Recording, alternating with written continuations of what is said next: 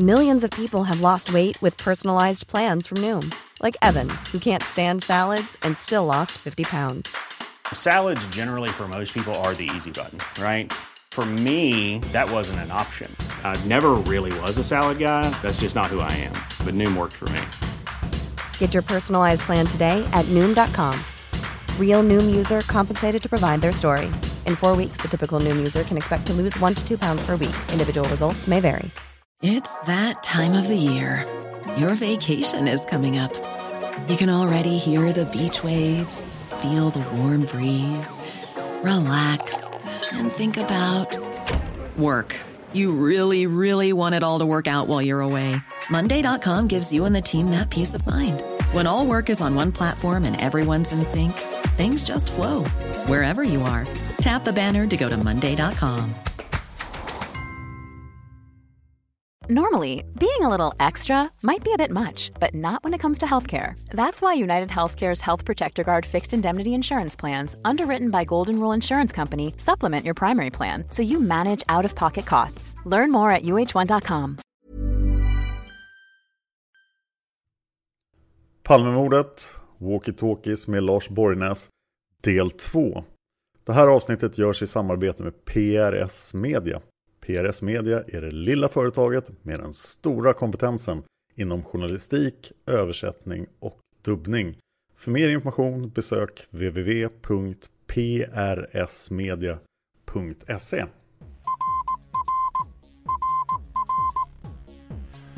Sveriges statsminister Olof Palme är död. 90 000.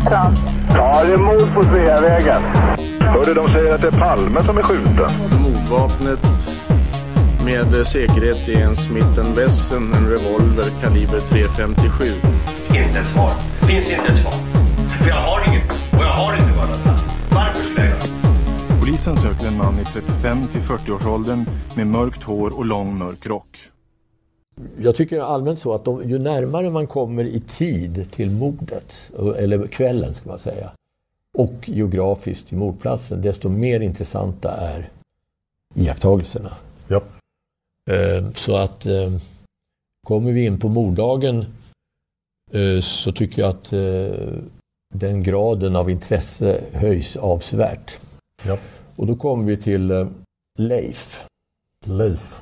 Som också på Västerlånggatan, men på mordkvällen, ser en man med walkie-talkie. Och då är vi framme vid mordkvällen mellan sju och halv åtta.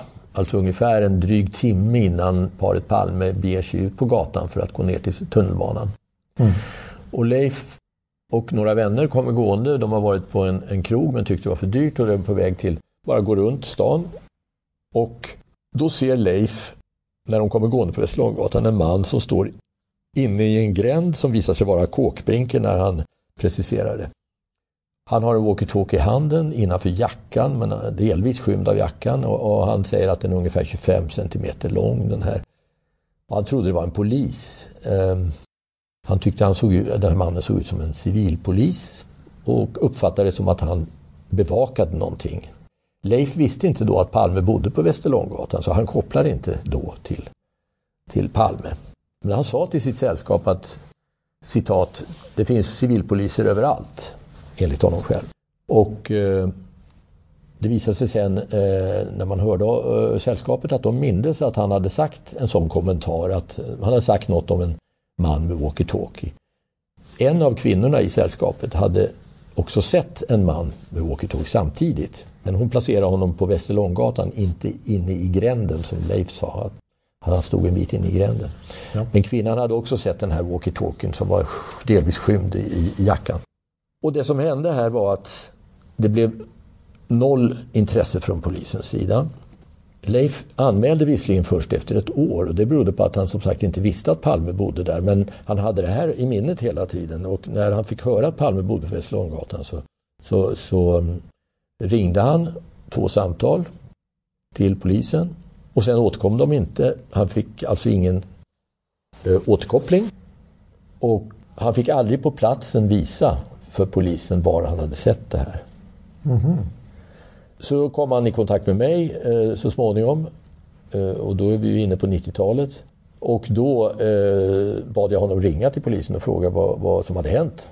För han hade ingen uppfattning om vad som hade hänt med honom. Och då, då ringde han och då sa de att ja, nej, vi har inte hittat karln, sa de. Men det framgår inte att de hade gjort någonting överhuvudtaget. Och det skriver också granskningskommissionen. Det finns inte redovisat några utredningsåtgärder alls. Det är oerhört märkligt. Absolut. Och det här var eh, då en... eh, Det som kan ha varit, som vi sa förut, motivet till ointresset var att Leif definitivt karaktäriserade den här mannen som svensk. Eh, ljushårig, kortklippt, som sagt såg ut som en polis, civilpolis som, som man sa. Och eh, i det skedet så var man ju till en början inte alls intresserade av svenskar. Mm.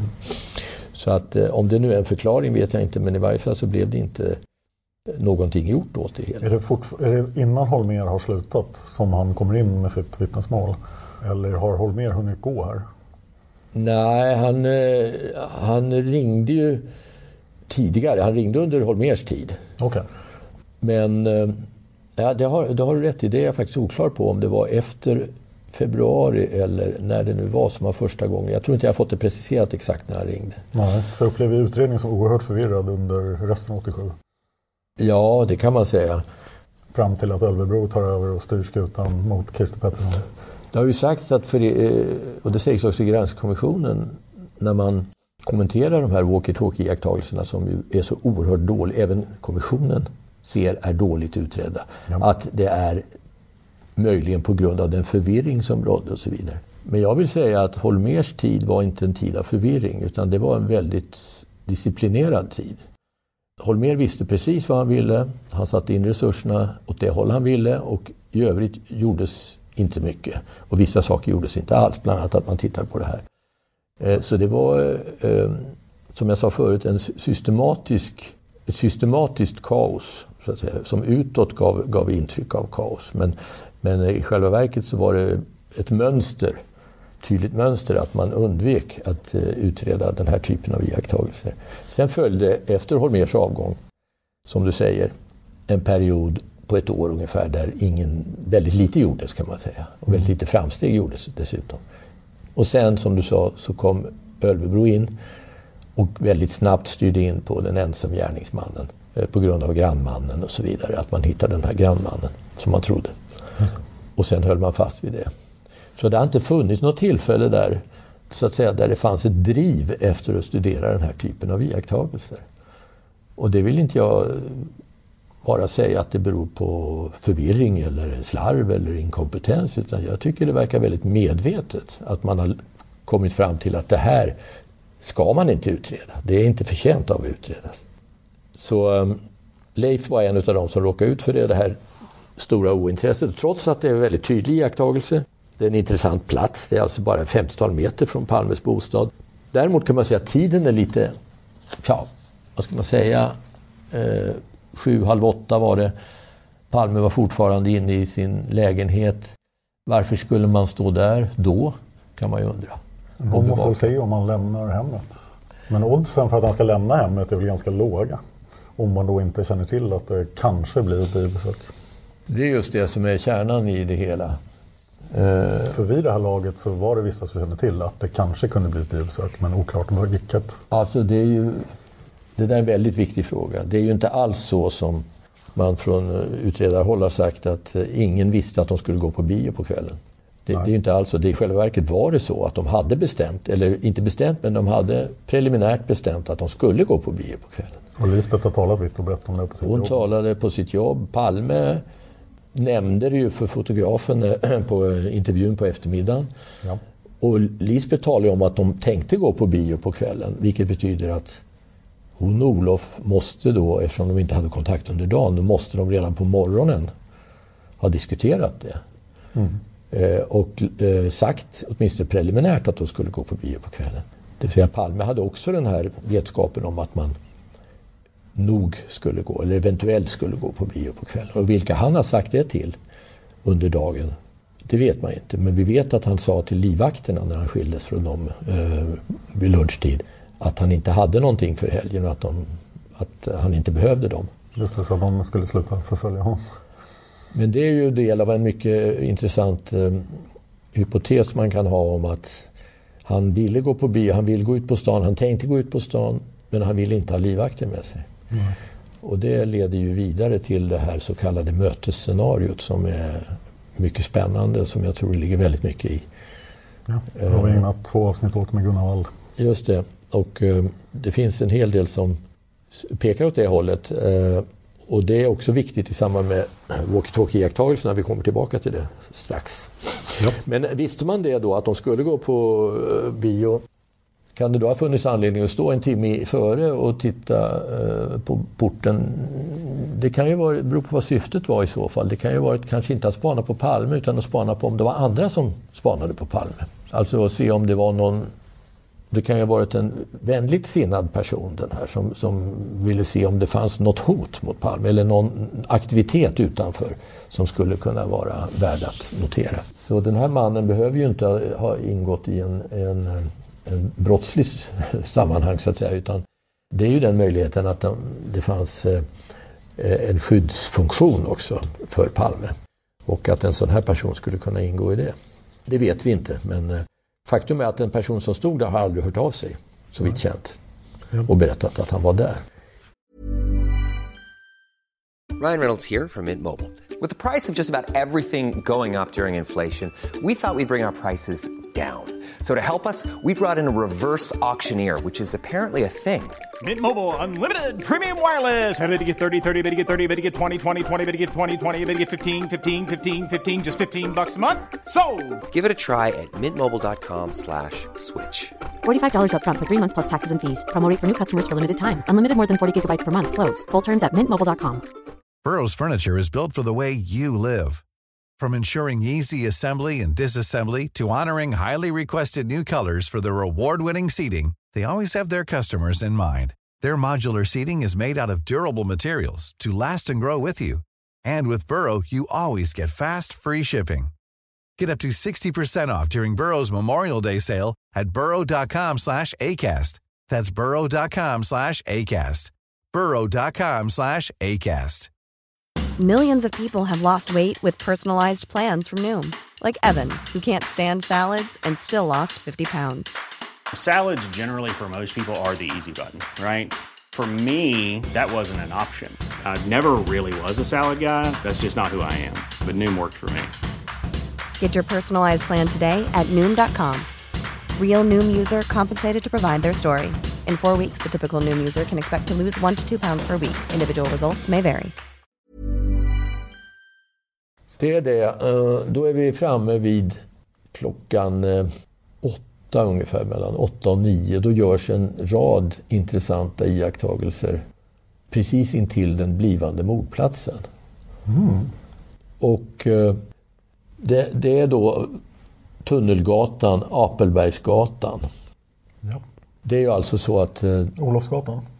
Ja, man kan säga alltså Olofsgatan är ju en tvärgata till Sveavägen. Vi har ingen karta, vi, möjlighet att visa karta, men de observationer vi kommer att tala om nu, de är alla inom en radie av 100 meter från mordplatsen kan man ja, säga. Det är i princip nästa gathörn, eller hur? Från Sveavägen sett. Om man går ner för Tunnelgatan då västerut. Olofsgatan, ja just det. Mm. Bort från eh, mordplatsen. Och intill eh, den korsningen så bodde då Margareta som eh, mellan 8 och 9 någon gång tittade ut genom sitt fönster och nere på Tunnelgatan såg hon en man med svart, som talade i en svart walkie-talkie. Hon sa det till sin son som var hemma. Sonen tittade också och såg också mannen. Han såg att han hade walkie-talkien delvis dold innanför sin jacka. Antennen stack upp. Men apparaten var synlig och sonen tänkte att det var en väktare. Och det är alltid intressant när de berättar om sina reflektioner för det, ger ju, det stärker ju så att säga att det är en äkta minnesbild att man berättar vad man tänkte när man Eh, när man, det var som Leif nyss vi hörde, han tänkte att det var en civilpolis, att mm. han bevakar någonting. Det är ju någonting som eh, man kan haka fast det här minnet vid, att man gjorde en reflektion. Sonen trodde alltså att det var en väktare. och de här uppgifterna lämnade Margareta då till eh, eh, Palmeutredningen i mitten av mars. Det är tidigt. Det är tidigt. Det är dock efter det att man hade efterlyst sådana uh, iakttagelser. Som ju skedde då någonstans kring den 8 mars. Just det. Det är i princip på samma plats där Skelleftehamnsmannen gjorde sin observation. Just det. Oerhört nära. Just det, och den observationen var ju då strax vid mordet några timmar senare, men det var ungefär geografiskt samma plats. Och då kan man fråga sig, var det här en sån uppgift som så att säga triggades av upp, uppmaningen att lämna tips? Det, det verkar inte så eftersom båda har berättat samma, äh, Margareta och hennes son, äh, att det verkar vara en äkta iakttagelse. Så att äh, det är snarare så att de inte förstod att det var viktigt, kunde vara viktigt innan den här uppmaningen kom. Vilket jag tror gällde många av de här iakttagelserna. Att först då förstod man att, att det kunde ha en betydelse mm. att man hade sett en sån sak. Okej, okay. Palmeutredarna kollade med eh, det här företaget som fanns i det här huset utanför vilket den här mannen hade stått och för att se om det var någon väktare till det företaget. Men eh, mm, personalchefen där sa att det fanns ingen anledning att, för dem att ha någon bevakning den kvällen just då. Så att det där är en väldigt tydlig, tycker jag. Nu är det ju frågan vad kunde syftet vara med att stå redan ja, någonstans, det, det är ju lite vag tidsangivelse, 8 till 9, men det är då när kanske i samband med att paret Palme mm, åker tunnelbana eller är på väg med tunnelbanan eller eh, kanske om det är tidigare så är de på väg ner till tunnelbanan. Varför ska man stå där och prata i, i en radioapparat innan Palme ens har kommit till trakten? Ja, för om, om, inte, om det inte är ett planerat möte så har man ingen möjlighet att veta att Palme kommer att passera i närheten av den här platsen. Nej. Eller det verkar osannolikt i alla fall. Det kan eh, det vara, men vi ska koppla det till några andra iakttagelser som inte mm. finns på din lista faktiskt, men som finns, eh, som ändå är eh, konstaterade. Jag vet inte varför inte Granskningskommissionen har, har tagit med dem.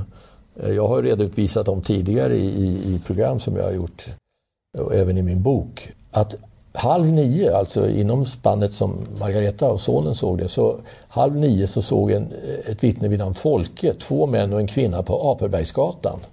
Ja. Och det är då på andra sidan Sveavägen men bara en, eh, kanske en 150 meter från den här platsen där Margaretas man stod. det är nästa parallellgata till eh, Tunnelgatan. Exakt, och en av dem hade en kommunikationsradio. Mm. Samtidigt så ser en man som heter Hugo en person med walkie-talkie 25 till 50 meter in på Tunnelgatan västerut. Och det är väldigt nära den plats där Margaretas man stod. Ja, det är precis där. Och 2040 så ser en man som heter Tage en längre person, en lång person med walkie-talkie ungefär på samma plats som Hugo. Eh, han säger att det är 30 meter in på Tunnelgatan. Det vill säga här har vi då fyra iakttagelser ungefär vid samma tid inom en cirkel på 200 meter, 150 meter, av iakttagelser med walkie-talkie. Och då kan man ju undra, vad skulle de... Det kan ju vara samma personer de har sett, eller det kan vara olika personer. Det kan vara två eller tre, eller vi vet inte antalet. Vad, vad finns anledning, för anledning att stå där? Eh, dels kan det vara, om man ska spekulera, nu blir det, det kan naturligtvis ha varit personer som inte alls hade med Palme att göra. Det kan ha varit Eftersom det pågick narkotikaspaningar början på kvällen här i, i, i city så kan det ha varit en del av det. Givetvis, men då kan man undra varför de inte har hört av sig och sagt att vi var där. Ja. Det kan också ha varit brottsliga personer av helt annat slag och, och de skulle naturligtvis inte höra av sig, det kan vi inte utesluta. Men det är ju ganska bestickande att det sker precis runt och i närheten av den blivande mordplatsen. Men det är också i närheten av den södra uppgången för tunnelbanan där eh, om man skulle gå på biografen Grand där Palme kunde tänkas gå av. Ja, och det är väl också nära uppgången om man vill gå till någon annan bio i närheten. Om man vill gå till Rioletto eller upp mot Filmstaden där den låg då. Ja, eller den andra bio som de hade eh, talat om, som Lisbeth Palme talade om på eftermiddagen, nämligen Mitt liv som hund som gick på Spegeln, på Birger Då är det visserligen inte den närmaste tunnelbanan alls, men Visste man om att de skulle gå på, på eh, Bröderna Mozart, om man visste om detta, då kunde ju det vara intressant att hålla koll på eh, den här tunnelbaneuppgången. Och med tanke på att de eventuellt skulle komma dit när de var på väg till bion. Ja. Nu gick de inte till den tunnelbaneuppgången utan de gick till den norr om biografen. Eh, och där finns inga observation av walkie-talkies. Ja. Men En annan anledning till att man kan tänkas ha stått vid mordplatsen skulle kunna vara att man testade hörbarheten. Nu är jag ute och spekulerar, men det måste man göra. Man måste alltså se vilka möjligheter som kan vara tänkbara. Om man ska slå till mot Palme vid Tunnelgatan, Sveavägen, Tunnelgatan. Om vi går tillbaka till det här med det förutbestämda mötet. Om det var känt att Palme efter bion skulle gå på ett förutbestämt möte och att det skulle äga rum på en viss plats vid en viss tid. Och det finns som jag säger en hel del som talar för, för detta. Då kunde man med viss säkerhet från en attentatsgrupps sida räkna med att paret skulle passera just det som den blivande mordplatsen, Tunnelgatan, Sveavägen. Är man då, har man då en eh, plan att eh, göra det där så vill man och har personer grupperade runt om så måste man testa hörbarheten i de kvarteren. Mm. Eh, och eh, varför ska man göra det redan klockan mellan 8 och 9? Ja, det, det återstår att besvara. Men, Men är inte det det första tillfället där man faktiskt vet att det här kommer hända då? Att nu, har, nu verkar de på väg till Grand? Ja, om man, vet, om man har den kunskapen att de är på väg till Grand för att sedan komma och gå tillbaka och passera den här platsen som blir mordplatsen eller den korsningen. Då finns ju anledning att testa sina, sin kommunikation i förväg. Ja. Eh, och, så det, men det är som sagt en spekulation, men det är inte omöjligt att det är på det viset. Nej. Och då finns det återigen en anledning för, för Palmegruppen att eh, försöka lägga de här bredvid varandra så noga som möjligt tekniskt. Eh, när det gäller iakttagelsen av walkie-talkie-apparaternas fysiska utseende och se om de kan tänkas Går det att foga ihop de här? Är det, stod de här personerna i förbindelse med varandra och så vidare. Vet vi när Folke, Hugo och Tages vittnesmål kommer in? Nej, det är en, en svaghet i den uppgiften har inte jag. Men det verkar oerhört starkt att det är fyra personer som ser Absolut, och polisen har ju, har ju de uppgifterna. Eh, men granskningskommissionen citerar ju inte de här. Och varför de inte gör det, det, det kan inte jag säga. Det kan ju bero på att det finns några avgörande saker som som eh, gör att de inte är värda att tas på allvar, men det framgår inte heller. Men det är uppgifter som kom fram på 80-talet i alla fall? Jajamensan, ja. och jag har ju alltså redovisat dem tidigare och jag blev förvånad när jag såg att Granskningskommissionens redogörelse har luckor. Ja, rejäla luckor. Ja, och det här är då, tycker jag, en, en viktig punkt. Cool fact a crocodile can't stick out its tongue. Also, you can get health insurance for a month or just under a year in some states. United Healthcare short term insurance plans, underwritten by Golden Rule Insurance Company, offer flexible, budget friendly coverage for you. Learn more at uh1.com. Cool fact a crocodile can't stick out its tongue. Also, you can get health insurance for a month or just under a year in some states. United Healthcare short term insurance plans, underwritten by Golden Rule Insurance Company, offer flexible, budget friendly coverage for you. Learn more at uh1.com. Planning for your next trip? Elevate your travel style with Quince. Quince has all the jet setting essentials you'll want for your next getaway, like European linen, premium luggage options, buttery soft Italian leather bags, and so much more. And is all priced at 50 to 80% less than similar brands. Plus, Quince only works with factories that use safe and ethical manufacturing practices. Pack your bags with high-quality essentials you'll be wearing for vacations to come with Quince. Go to quince.com/pack for free shipping and 365-day returns.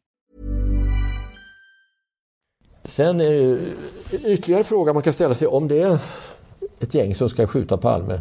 Springer man omkring och visar upp sina apparater på det här viset för eh, folk som tittar ut genom fönstren och som passerar? Och beter man sig på det viset? Eh, är det inte väldigt slarvigt och oprofessionellt?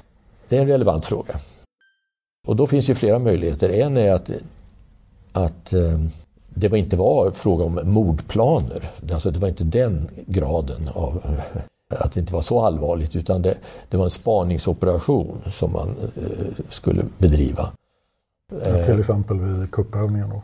Till exempel där eller att man eh, Eh, bedrev en form av spaning för att inhämta information om Palme och då var det ju ganska ofarligt om andra människor vid den här tidpunkten råkade få se en. Om det var en övning, självklart, då hade man absolut ingen anledning att stå och eh, smussla med, med, med apparaterna.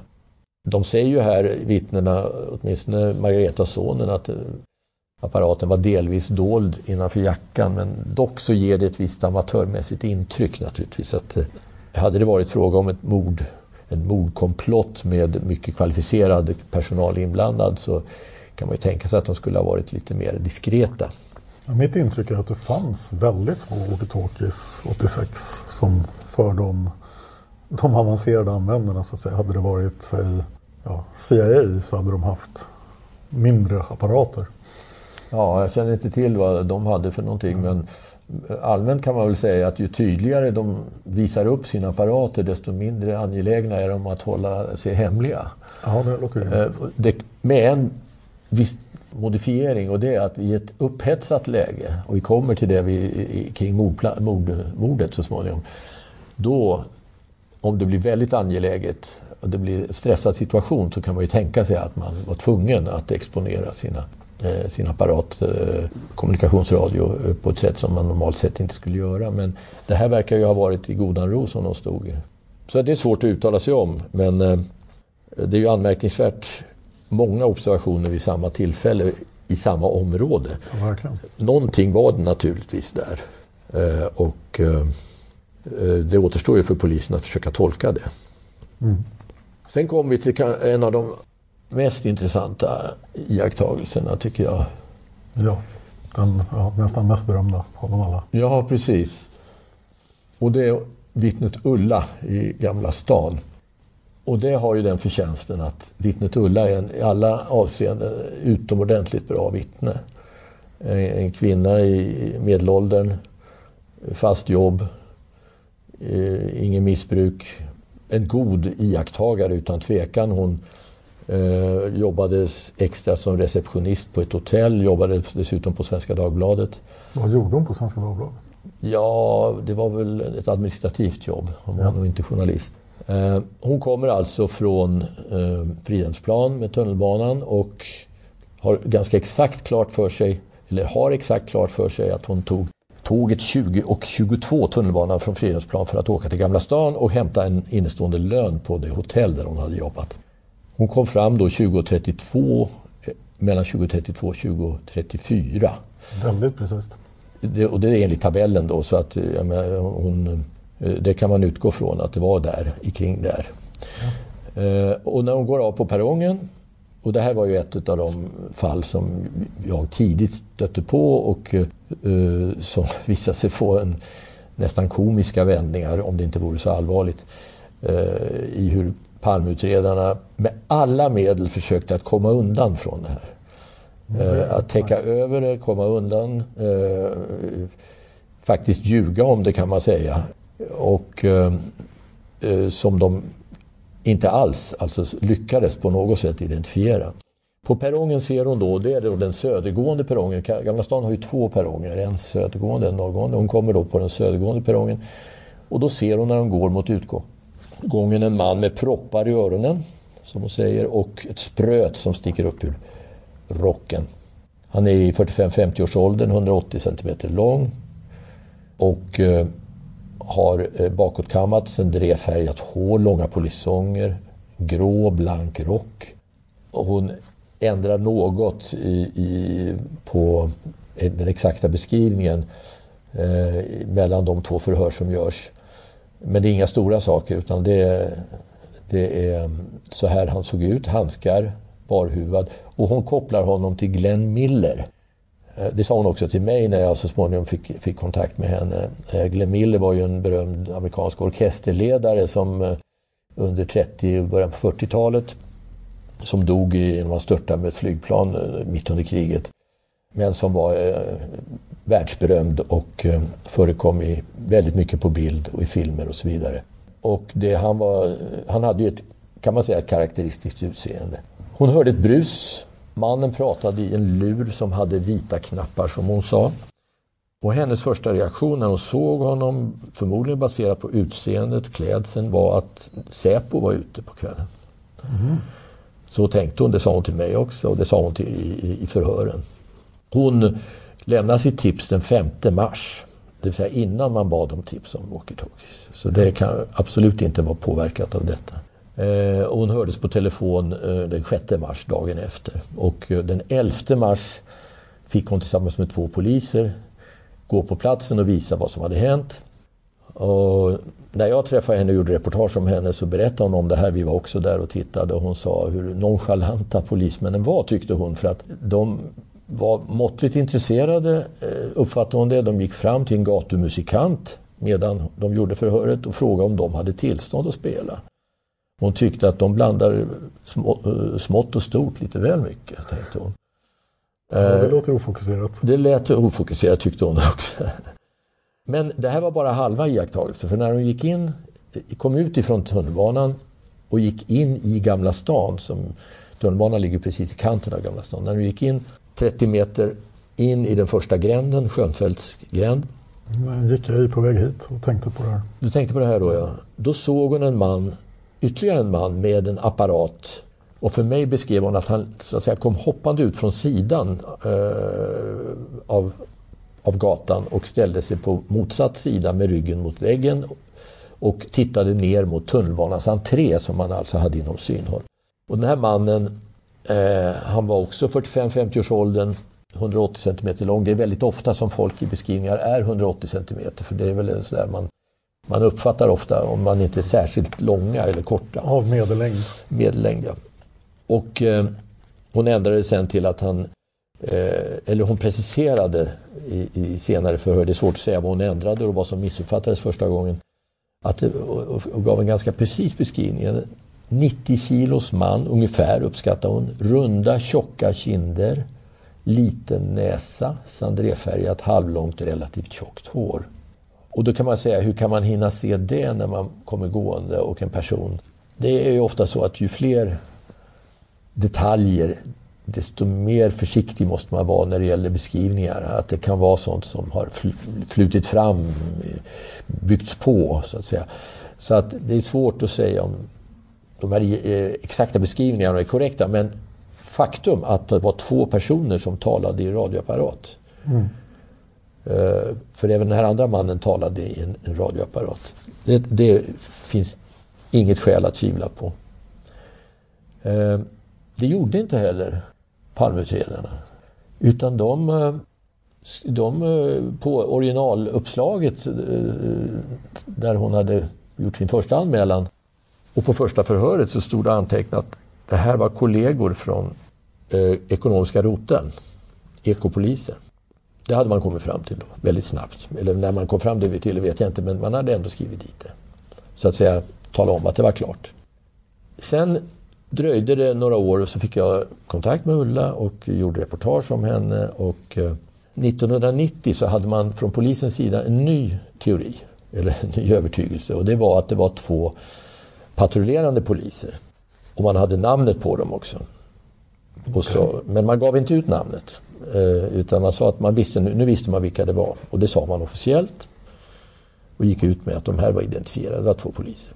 Det lät ju mer troligt än ekoroten skulle vara ute vid, på fredagskvällen. Det kan man tycka. Gamla stan. Och det lät ju gediget. Men när jag började kolla det där, fick reda på namnen och kontaktade en utav dem, det var bara en som ville och det visade sig att de här poliserna var 26-åriga, båda var 26 år och det var, ingenting stämde på dem.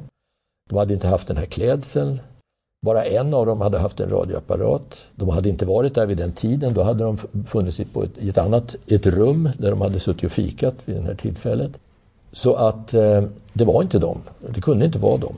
Då när jag konfronterade, eller då, då fick eh, Ulla veta att, eh, att det här var klart. Men den polisman som var, en av de polismän som var identifierad, han Eh, han hörde att eh, beskrivningen stämde inte med honom. Kvinnans beskrivning stämde ju inte med honom. Men då sa de, ja men det är ju så att det här var en bag lady. Alltså det var en kvinna man inte kunde ta på allvar så hon kunde inte vara särskilt exakt. Och det var naturligtvis oerhört eh, illa att säga om det här vittnet. Att hon skulle varit en, en nedgången kvinna som man inte kunde ta på allvar. Det var ju väldigt grovt med tanke på att hon arbetade på två jobb och var Ja visst, och hon blev ju lite förnärmad och skrattade väl egentligen åt det. Men, men det visar hur långt man sänkte sig för att kunna skyffla undan det här iakttagelsen. Och gå ut med att man hade det förklarat. Men nu, nu stod man där igen, det var inte dem. Och sen framkom det genom eh, att dåvarande åklagaren Jörgen Almblad eh, yttrade inför Edenmankommissionen att, och det var, hade han gjort redan 87, att det var Säpo som hade varit på platsen. Det var Säpo-poliser. En tredje förklaring. Just det. Men det var ju den som kopplade mest till vad Ulla hade uppfattat, att det här liknade Säpo. Eh, Åtminstone han på perrongen liknade Säpo. Mm. Och jag intervjuade Almblad och han sa jo, det var det jag fick veta, att det var Säpo-poliser där på kvällen. Jaha, vad skulle de ha gjort då? Ja, det minns jag inte, sa han. Men det hade inte med Palme att göra. Men vad var deras uppgift? Nej, det kommer jag inte ihåg. Så. Men det är ju naturligtvis oerhört intressant ja. Att Säpo skulle befunnit sig där just då. För det här var en tidpunkt då, 2032, 33, när paret Palme var på väg mot tunnelbanan i Gamla stan. De var på väg genom sta Gamla stan helt enkelt. Ja. Och med tanke på hur den här andra mannen ställde sig som Ulla sa och tittade ner mot ingången och den här första mannen stod där uppe på perrongen. Okej, okay, om det var Säpo, vad kan de ha haft för syfte med att stå där? Förspaning? Om det var distansskydd så att säga till Palme, då kan de ha stått för att kunna han på perrongen kan ju ha stått där för att kunna iaktta vilka rörelser som var på den norrgående perrongen i samband med att Palme så småningom, några minuter senare, gick på tunnelbanan. Ja, man har ju en väldig överblick över den norrgående perrongen om man står på den sydgående. Mycket bättre än om man står på samma perrong naturligtvis. Så att det kunde ju funnits en, en anledning eh, och då skulle det vara ett gott syfte från Säpos sida att stå och se om Palme kunde vara eh, följ, förföljd av, av några personer. Men det kan också ha varit så att om det var en grupp som hade onda planer mot Palme så vill man se om det fanns något skydd ja. för Palme när han gick in i tunnelbanan. För det kunde man ju också se då när, när paret Palme steg in om det fanns några som såg ut att vara bevakare eh, som gick in i samma tåg. Och det skulle man återigen bäst se från den södergående perrongen. Och det här är väl nästan den bästa platsen att se det på också. För att om man står på Österlånggatan och Palme kommer ut och livvakterna ansluter och så här, då, då är man ju väldigt exponerad om man spanar på dem. Just för att Västerlånggatan är ganska folktom i den här tiden. Och... Så är det. Och de två platserna som är bäst att se om någon följ, några följde efter Palme, det är ju dels i gränden, när de, alltså när de går in i entrén till tunnelbanan, där den här andra mannen stod och tittade. Om det är någon som kommer efter och uh, går efter paret Palme nerför trapporna. Och det andra är när de går in i tåget, för är det några som ska följa efter Palme måste de ju åka med samma tåg. Ja. Och då så, återigen så ser man det bäst från södergående perrongen. Så att det finns ju en logik i den här placeringen av de här två personerna. Man har en väldigt bra uppsikt över tunnelbanegången från Stjärnfeldts gränd just. Precis. Eh, så att eh, det här borde ju ha talat för att man skulle ägna mycket resurser åt att försöka komma till botten med det här. Istället verkar det som att man hittar på förklaringar för att slippa, utåt i varje fall, eh, bekymra sig om den här iakttagelsen. Det kan ju ha också, å andra sidan, flera förklaringar. Det kan ju vara så att man vet vad det var, men man kan inte prata om det. Ja. Almblad pratade om det ändå. Han ibland hade tendens att prata om saker han inte borde prata om. Men han pratade om det, sa att det var Säpo-poliser. Om det var Säpo, om, om Palmeutredarna förstod att Säpo eh, bevakade Palme i Gamla stan så är det oerhört känsligt naturligtvis för utredningen. För det första, hur ska de kunna gå vidare? Vad får, vi har sett många exempel på att man fick inte ut någon information ifrån Säpo. Det är inte så lätt för palmutredarna att gå och förhöra Säpo. Nej. Det görs inte. Det finns egentligen inget exempel på att man har förhört enstaka Säpo-män om saker och ting. Eh, däremot har kommissioner förhört Säpo-chefer och så vidare. Men det är ju omvittnat hur slutet Säpo är, även i förhållande till öppna polisen. Säpo tog, men de gav aldrig någonting. Ja. Ehm, och om det gjordes några ansatser att få reda på från Säpo, vad hade ni för folk? Eh, hade ni något folk i Gamla stan som, som, som eh, Almblad sa, vad gjorde de där? Vad var syftet? Almblad sa att han inte mindes det, men någonstans måste det ju finnas dokumenterat. Ja. Men det Granskningskommissionen som sen tittade på det här i slutet på 90-talet, de nämner inte den här uppgiften om, om Säpomännen från Almblad. Ja, de nämner eh, ekoroten och de här spaningspoliserna. Men inte Säpo-uppgiften. Nej. Och det är ju en fråga man borde ställa till Granskningskommissionen varför de eh, glömde bort den uppgiften som ju är helt både sensationell och av, av, kan vara avgörande uppgift för att förstå vad det handlade om. Mm. Eh, när kommissionen skriver om det här med Ulla så, så säger de väldigt ursäktande att, att eh, ja, det här påminner om de eh, det påminner om det förvirrade eh, läget som var i, utredningen. Förvirringen, förvirringen efter mordet. Men det förklarar ju inte varför man hade bortförklaringar Nej. efteråt. Nej, verkligen. När lugnet hade infunnit sig. Ja, den där är, det där är en mycket, mycket intressant uppgift och jag tror att där, den, den kan, eh, skulle kunna leda vidare till eh, vissa svar om man får möjlighet att gå, eh, följa upp det. Vilket återigen är Palmeutredningens kan man säga, skyldighet att försöka borra inom Säpo och ta reda på vad var det för folk som stod där. Mm. Och även om de inte hade med Palme att göra, såg de någonting? Det de såg, eh, om de nu tittade på tunnelbaneentrén eller på perrongen, borde ju ha rapporterats om de gjorde iakttagelser. Man har svårt att tänka sig en annan uppgift för Säpo vid den tiden. Om det inte hade med Palme Ja, Fast, ja, det vet man ju inte. Alltså det, Säpo finns ju lite överallt eh, och eh, vad de gör är ju inte många som vet. Så att slumpen kan också spela in att det råkade vara en Säpo-patrull där just då. Men det är klart, det är som du säger, va? Man, man är ju benägen att tro att det bör ha haft med statsministern att göra när de stod där just då. Så. Ja, det... Den här podcasten finansieras åtminstone delvis av er i form av sponsring. Så om ni tycker den här podcasten är jättebra om ni vill höra avsnitt som det här, intervjuer med viktiga personer i ämnet Palmemordet, så är det livsnödvändigt för podden att de som verkligen gillar den sponsrar podden på patreon.com slash palmemordet. P-A-T-R-E-O-N.com slash palmemordet. Där ni väljer en summa som ni vill skänka varje avsnitt. Om det inte görs något avsnitt så betalar ni inga pengar. Jag finns på Twitter på Dan Horning för Twitter gillar inte Ö. Jag vill också ha iTunes-recensioner.